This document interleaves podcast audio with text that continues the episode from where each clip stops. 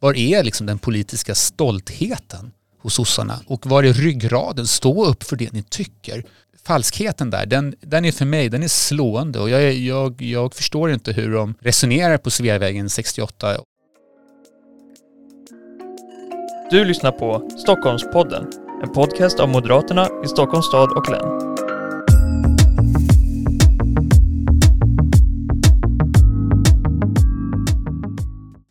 Hej och varmt välkomna till veckans avsnitt av Stockholmpodden.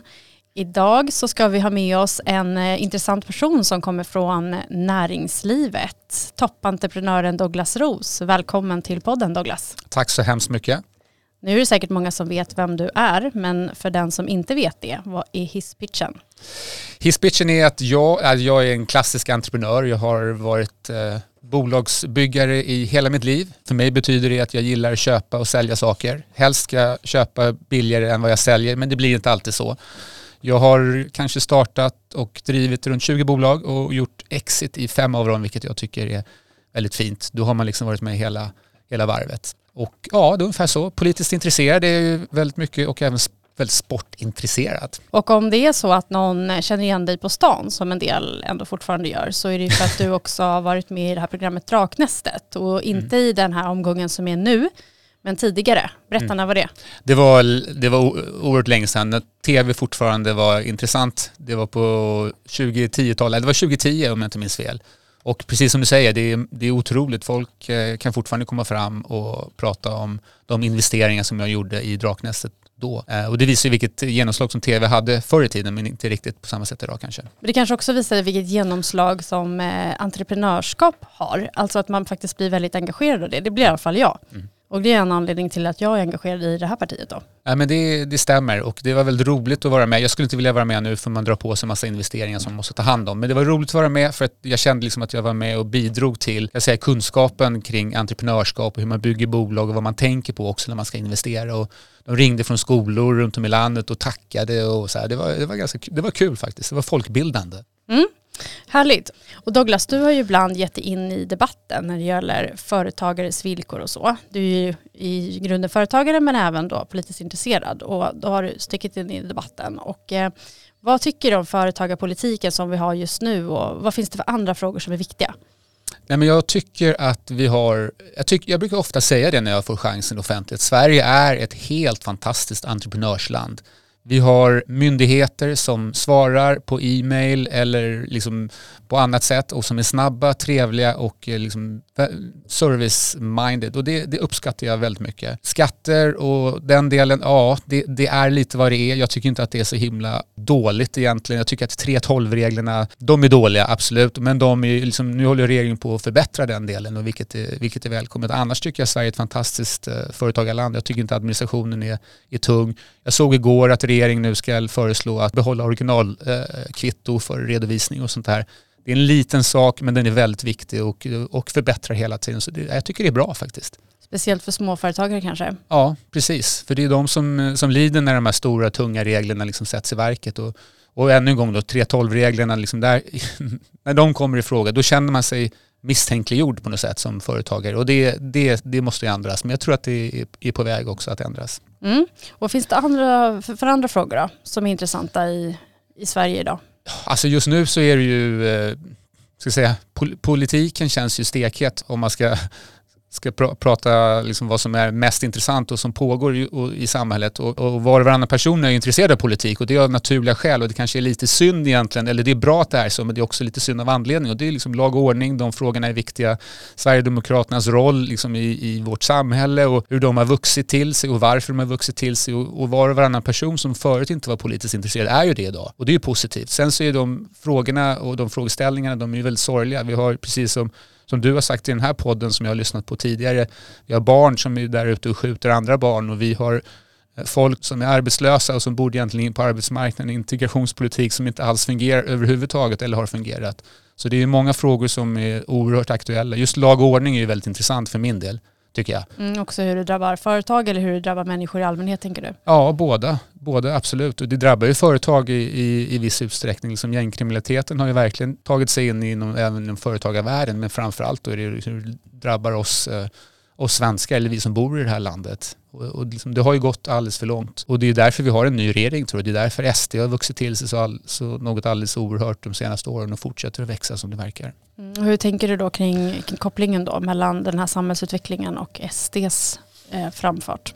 Ja, men för mig handlar det om, eh, jag, jag, tror att det handlar om rättvisa och eh, jag, jag, tror också ska jag säga att om man anonymiserade det som SD tycker och inte sa varifrån det kom så tror jag att de skulle få 60, 70, 80 procent av befolkningen för, för det är väldigt enkla saker att tycka är rätt. Det är klart att om någon kommer hit från utlandet och begår grova brott, det är klart att den personen inte ska vara kvar i landet. Utan då kan vi ta in någon annan istället och hjälpa någon annan person som, som är mer intresserad av att vara del i det svenska samhället och så vidare. Och sen så då att de etablerade partierna har liksom från början tryckt bort eller försökt att trycka bort SD.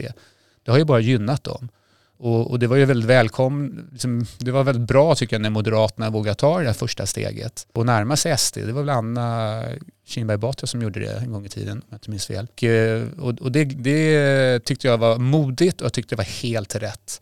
Och sen så har liksom nuvarande då partiledningen och Moderaterna och även de andra partierna vågat ta hela steget och bilda liksom ett regeringsunderlag med SD.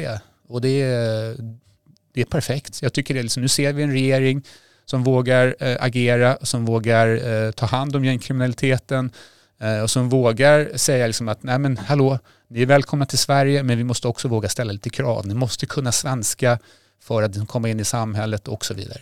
Och som har majoritet i riksdagen. Ja, som har majoritet i riksdagen. Den detaljen. Ja, exakt. Mm. Inte en minoritetsregering som sitter och, och regerar på borgarnas budget som sossarna gjorde under många perioder. Mm, kohandla helt, om det mesta. Ja, men det är ju, det för mig är det helt sanslöst. Liksom, var är liksom den politiska ryggraden? Vad är stoltheten över vad man tycker politiskt? Där sitter sossarna och regerar på en borgerlig budget. För mig som entreprenör, och jag är liksom van vid att så nej men ibland som jag sa inledningsvis, jag har liksom drivit företag, vissa har gått bra, fan vad skönt och vissa har gått eh, liksom lite sämre. Ja, vad jobbigt. Då får jag lägga ner det här, slicka såren, komma tillbaka och bli ännu bättre. Men sossarna, deras enda mål är ju att sitta liksom vid regeringsmakten. De säljer ut sig själv när som helst.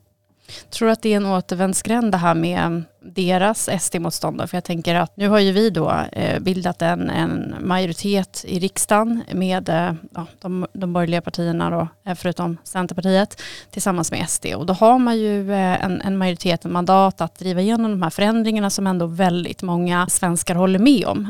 Väldigt många väljare håller med om.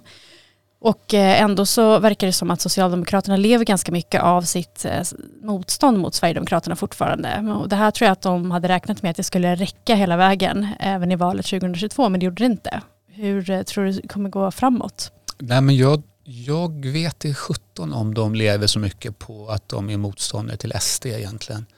För att jag menar sossarna är ju själva SD light de har ju liksom anammat halva SDs partiprogram känns det som, precis som övriga regeringspartier också.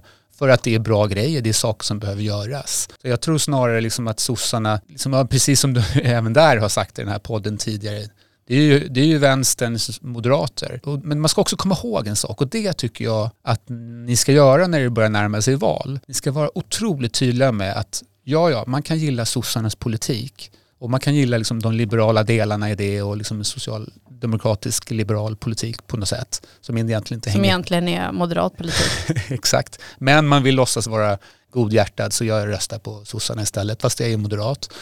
Men då ska man också vara oerhört medveten om att en röst på Socialdemokraterna innebär att man får inte liberal politik. Oavsett vad sossarna tycker så får man inte en liberal marknadsanpassad politik. Man får Varför? motståndet i det. Ja, det ser vi i Region Stockholm. För man har Vänsterpartiet med sig och man har Miljöpartiet med sig. Och det är två partier som som ogillar kapitalism, som ogillar företagande och som misstänkliggör sådana som jag som, som har vikt mitt liv åt att driva bolag och skapa arbetstillfällen och betala hur mycket skatt som helst med glädje när vi kommer in på det här med, med Stockholm då och eh, Moderaterna i Stockholm. Här har ju faktiskt eh, Socialdemokraterna växt en del eh, på sistone. Så det är här man har tagit mark medan man har förlorat på landsbygden. Det har vi tagit upp i flera olika program. Varför tror du att det är så? Jag tror att, till att börja med, frågan är oerhört viktig. Vi måste ju vinna i Stockholm. Vi måste verkligen vinna i Stockholm.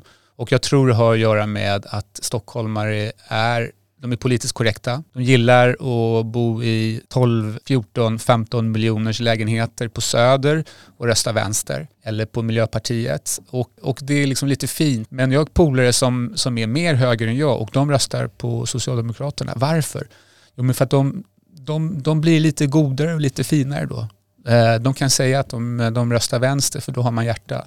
Okej, så vad säger du då till dina kompisar som eh, egentligen är höger men röstar vänster?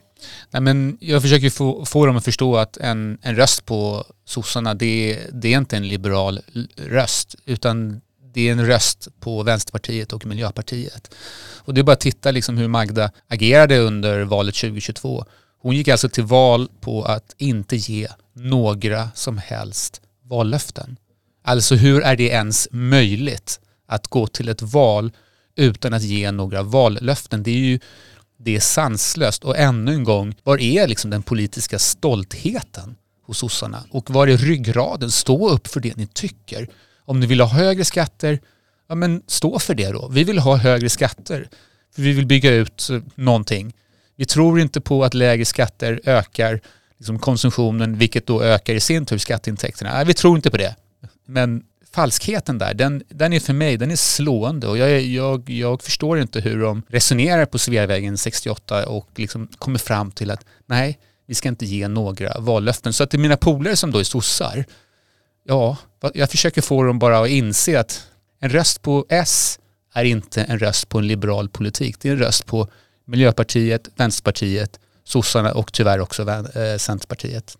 Samtidigt så höjer de ju skatten så fort de får chansen oavsett om det behövs eller inte. Det ser vi ju här i Stockholm som har fått höjd skatt både i många kommuner i Stockholms län men också i Region Stockholm. Ja. Och eh, samtidigt så vi befinner oss ju kanske, som vi har diskuterat förut, på en borgerlig planhalva på sätt och vis för att vi har ju ändå förändrat samhället ganska mycket i borgerlig riktning de senaste decennierna. Och även om man då som eh, socialdemokrat eh, i grund och botten vill höja skatten så inser man ju att det inte alltid eh, är så populärt och därför så undviker man det helt enkelt av maktstrategiska skäl. Alltså till exempel fastighetsskatten. Där vet vi ju att det finns en, en vilja eh, i ganska tunga socialdemokratiska distrikt, eller väldigt tunga, att höja fastighetsskatten eller införa en progressiv fastighetsskatt till exempel. Mm. Eh, eller för den delen de här jobbskatteavdragen som har gjort eh, att människor har fått tusentals kronor mer. Ja, eller för den delen förmögenhetsskatten. Och, och, då, kan man ju, då kan man ju fråga de här personerna som jag vet är höger men röstar vänster. Så här, hur, era ungar när de ska göra ett gymnasieval, skulle du vilja att de inte hade något val utan de får gå i den här kommunala skolan som ligger två, tre kilometer från där du bor? Eller tycker du att det är bra att få göra ett val? Och då säger de naturligtvis, nej men det är klart att vi ska ha ett, ett fritt val för gymnasierna. Och då säger jag okej, okay, då kanske det är liksom läge att tänka efter och, rösta på ett parti som vill driva den frågan. Vi ska inte ta bort det fria skolvalet utan vi ska istället öka kontrollen på skolorna och se till så att de följer de lagar och regler som gäller. Inte ta bort det fria valet. Så att, ja. Kan det vara så att Stockholmsväljare tar de här friheterna lite grann för givna? Man tror inte att de kan dras tillbaka. 100 procent. Bortskämda och politiskt korrekta många av dem faktiskt, på riktigt. Jag, jag, jag, är, jag är del i det också, självklart. Men det är verkligen så. Stockholmarna är knepiga typer. Samtidigt så ser vi det här nu i Region Stockholm att otroligt mycket händer där man tar bort eh, fria val och framförallt eh, privata inslag som gör vården mer effektiv och framförallt har sett till att människor inte behöver vänta på vård. Så det här ja. kommer ju bli en ganska stor förändring. Det kommer bli köer. Och när vi påpekade det inför valet så var det skräckpropaganda och nu är det verklighet. Mm. Och det är ju ammunition inför nästa valrörelse men det är ju sorgligt att det är folk som kommer lida på vägen dit. Och om Tidöpartierna håller ihop så kan man visa att fasiken, vi har faktiskt uppnått väldigt bra saker här under de här åren. Det är ju verkligen det starkaste. Så det vore ju fantastiskt att få se att eh, Tidöpartierna lyckas hålla ihop under hela mandatperioden. Du tänker att eh, Stockholmsväljarna gillar ändå den handlingskraften som Tidöpartierna visar och att man kan förändra Sverige till det bättre. Ja, och det är ju det som vi ser. Under det här första året som har varit otroligt tufft för regeringen med, med NATO och med eh, Gaza, Israel, problematiken eller kriget och Ukraina och så vidare. Det har varit ett otroligt tufft år för regeringen samtidigt som de har då infört en, en hel mängd nya lagar och regler och dessutom ett stort antal lagar och regler som är på gång i, i ljuset av liksom det som de har lovat i Tidöavtalet. Om de kan fortsätta att leverera på det och hålla ihop med liksom, och inte börja bråka och inte liksom spräcka den här regeringen under mandatperioden, då tror jag att det blir en, en, en ganska så komfortabel seger i valet 2026. Ja, opinionsundersökningen säger idag eh, att det ser liksom, ja, ser rätt dåligt ut för, för regeringspartierna och, eh, och, och liksom opinionsundersökningar det är en sak. Men sen när det blir skarpt läge och man kan liksom säga vad vill du ha istället då? Skulle du vilja ha en eh, liksom en Norsi social... som finansminister? Ja, vill du ha Norsi som finansminister? Nej, det vill du såklart morgon. inte. Vill du ha som Gunnar Strömmer som, som agerar varje dag och Maria eh, Malmer Stenegård och vill du ha Ulf Kristersson som faktiskt viger hela liksom, dygnets timmar åt att göra Sverige bättre och har gjort det under de här senaste fyra åren. Ja, men då, då tror jag att vi kommer vinna ganska så, alltså större än vad vi har nu. Jag tror det verkligen. Mm. Ja, vi ska ju ha Elisabeth Svantesson här alldeles snart i podden och jag tänkte höra med dig, du som eh, är företagare. Har du några inspel eller frågor eller så som vi kan ställa till henne? Eh, vad kul. Eh, ja, men Elisabeth eh, Svantesson är ju, jag tycker hon gör ett fantastiskt jobb som eh, Sveriges finansminister och eh, jag är väldigt stolt och glad över att se det som, som görs. För oss eh, småföretagare eller företagare, entreprenörer så är ju 3.12-reglerna, de är komplicerade. Och för de som inte vet så handlar det egentligen om vilket sätt som vi ska beskattas eh, vad gäller då utdelning från våra företag så att inte vi inte tar ut lön och sen tar vi bara utdelning till en mycket lägre skattesats. Och jag förstår att den, eh, det, den, liksom, det regelverket behöver finnas, men det är ett oerhört komplicerat regelverk och jag vet inte hur många timmar och hur mycket pengar jag har spenderat på det här sedan jag sålde mitt första företag då 2007. Och ja, eh, nu vet jag då att regeringen har tillsatt en utredning kring 3.12 och det glädjer mig något alldeles oerhört. Det är jätteviktigt och det är jättebra. Och egentligen mitt medskick är först och främst en applåd till Elisabeth. Tack för att ni kollar på 3.12, det uppskattar jag. Och sen för det andra, våga gå lite längre än vad ni kanske hade tänkt. För att man känner sig otroligt misstänkliggjord hela tiden. Att man bara vill fuska och ta ut pengar. Det är verkligen inte så. Liksom varenda entreprenör och företagare där ute krigar varje dag och skapar skatteintäkter och, och arbetstillfällen. Och belöningen är liksom ibland då att kunna ta ut lite extra. Så våga gå lite längre. Och, ja, det, ja, det är mitt medskick till Elisabeth. Man ska inte behöva ett gäng skattejurister för att eh, kunna göra vinst och ja. Exakt, skattjurister. Få, få lite guldkant efter hårt arbete. Ja, yes, precis så. Nej, men och sen så har jag ju såklart en massa andra tankar kring det som pågår. Vi tittar, liksom, tar Tesla-konflikten nu som i min värld är helt sanslös, eh, nästan overklig. Eh, där det då ska vara frivilligt sägs det att teckna kollektivavtal men där facket agerar som om det absolut inte är frivilligt och där de med väldigt stora ord ute i pressen berättar att vi kan hålla på i mer än 500 år här för att se till så att de här onda människorna som jobbar på Tesla och driver Tesla så att de faktiskt skriver på ett kollektivavtal. Det är ju galet och en översyn av arbetsrätten vore ju intressant men det är ingenting som jag vill skicka med till finansministern här och nu utan det är en mycket större fråga. Har eh, de här eh, reglerna, eh, fackreglerna spelat ut sin roll? Är det gammeldags?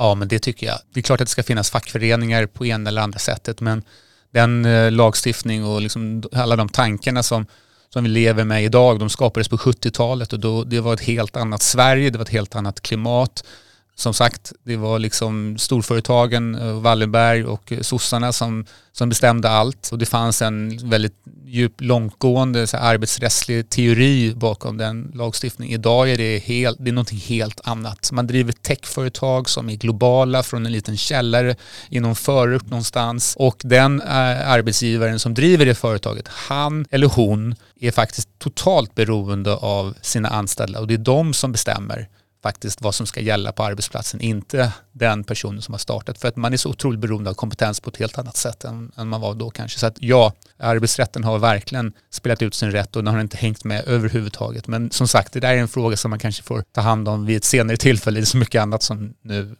behöver uppmärksamhet. Hur kan facket modernisera sig? Ja men till att börja med så kan de ju faktiskt eh, våga acceptera att vi har en helt ny tillvaro i Sverige med arbetstagare som inte är små offer eller stackare utan som är starka, duktiga, kompetenta personer som, som ställer krav. Så att ta Tesla-konflikten då ännu en gång, det är ju ett exempel på liksom hur, hur facket träffar totalt snett och sen så har de målat in sitt hörn och då ska dra in fler och fler och fler i, det här, i den här konflikten. Det är väldigt sorgligt att se. Det var någon, någon, någon eh, lackeringsföretag någonstans i Mellansverige nu som fick säga upp 20 personer på grund av Tesla-konflikten. Och flera av dem var IF eh, Metall-anställda. Eh, hur, hur kul är det? Det är ju, det är ju sanslöst. Så att ja, de behöver modernisera sig, tänka om och, och dra tillbaka sina positioner liksom, och tänka så här, okay, hur ska vi liksom agera i ett nytt och modernt samhälle? Vi är inte på 70-talet längre, det här är 2023, 2024 till och med. Så att, kom igen nu. Eh, Sverige har ju länge varit ett framgångsrikt entreprenörsland. Hur tror du att det kommer se ut framåt? Kan vi ta det för givet? Vi kan inte ta det för givet men jag tror absolut att det kommer vara så framöver. Och det är intressant att se den svenska utvecklingen för att vi har ju varit, eh, liksom efter kriget så var vi liksom ett storföretagarland när liksom storföretagen, Wallenberg och alla de där gick eh, hand i hand med sossarna och eh, tog hand om Sverige på det som de tyckte var det bästa. Sossarna fick behålla makten och Wallenberg fick behålla pengarna. Men därefter, på 80-90-talet, så har vi faktiskt blivit eh, något av ett entreprenörsland och kanske i början på 2000-talet och framåt. Och som jag sa inledningsvis i den här podden så, så tycker jag att Sverige är ett fantastiskt entreprenörsland. Som sagt, vi har snabba myndigheter, schyssta myndigheter.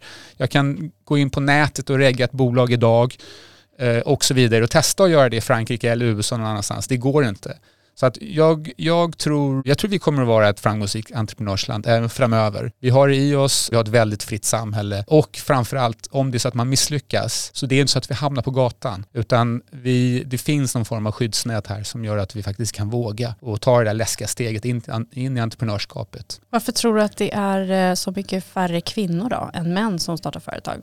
Oj, den här är svår. Bara gissa. Eller ja spekulera? Jag, jag har en tanke kring det. Det är ju att män är, vi är otroligt mycket mer riskbenägna. Eh, och det här kan jag säkert få skit för, men vi, eh, vi, vi tar mer risk generellt sett. Och jag brukar säga att om kvinnor hade suttit vid makten 2008 eller 2007 i USA, då hade det inte blivit en finanskris. För att det var liksom ett gambling med andras pengar och det är bara snubbar som gör det. Så att, och, och det slår ju tillbaka åt andra hållet också. Kvinnor, att, att starta bolag är det är, liksom, det är hög risk oavsett vilken position du är. Du kan vara att du kanske inte har några pengar men du satsar din tid, du satsar din prestige, ditt egna varumärke, vad det nu är. Och det är läskigt att lämna, lämna tryggheten. Men då gäller det bara för oss att få kvinnor att förstå att uh, fasiken tar den här risken. Det är värt det. Mm.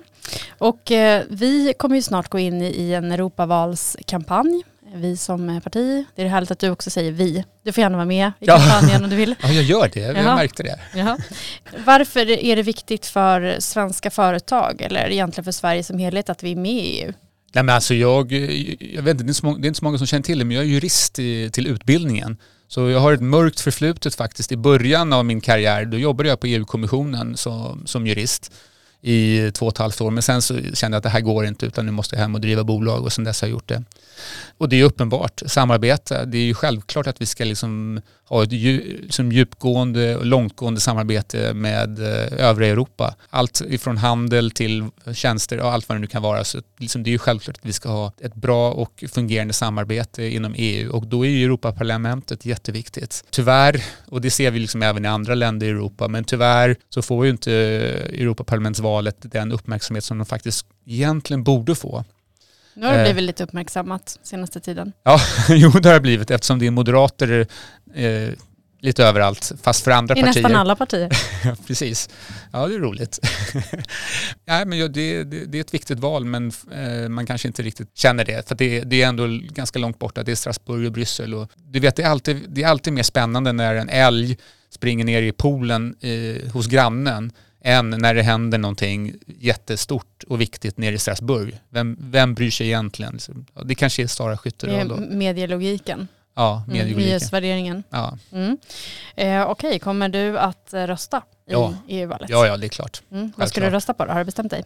Mm, nej, men jag kommer rösta på Moderaterna såklart. Det, det tycker jag är det bästa alternativet. Varför, um, tror, varför tycker du att det är viktigt att engagera sig politiskt? Nej men för min del, jag har ju inte riktigt engagerat mig i, i andra frågor kanske än just mest företagarfrågor och sådär äh, tidigare. Men jag tycker ändå att jag skulle gärna se en, en äh, liksom en större, ett större intresse från entreprenörer och företagare att prata om annat än just företagarpolitik. Men också då prata politik. Just kanske för att ge folk där ute liksom en bredare bild av då till exempel Moderaterna. Så att, ja, jag, jag, jag, jag välkomnar det. Jag kommer själv, jag har bestämt mig nu faktiskt, därför jag tycker det är så kul att vara med i den här podden. Försöka engagera mig lite mer i just de här frågorna. För att just vi behöver det i Sverige idag. Alla måste vara med och hjälpa till om, om, om man kan. Mm. Tusen tack för att du var med i podden. Ja, tack så mycket. Välkommen tillbaka. Ja, tack. Tack för att ni har lyssnat. Glöm inte att prenumerera på podden för att inte missa när nya avsnitt släpps. Om du vill komma i kontakt med oss och tipsa om något du vill höra i podden så kan du mejla oss på stockholm.moderaterna.se.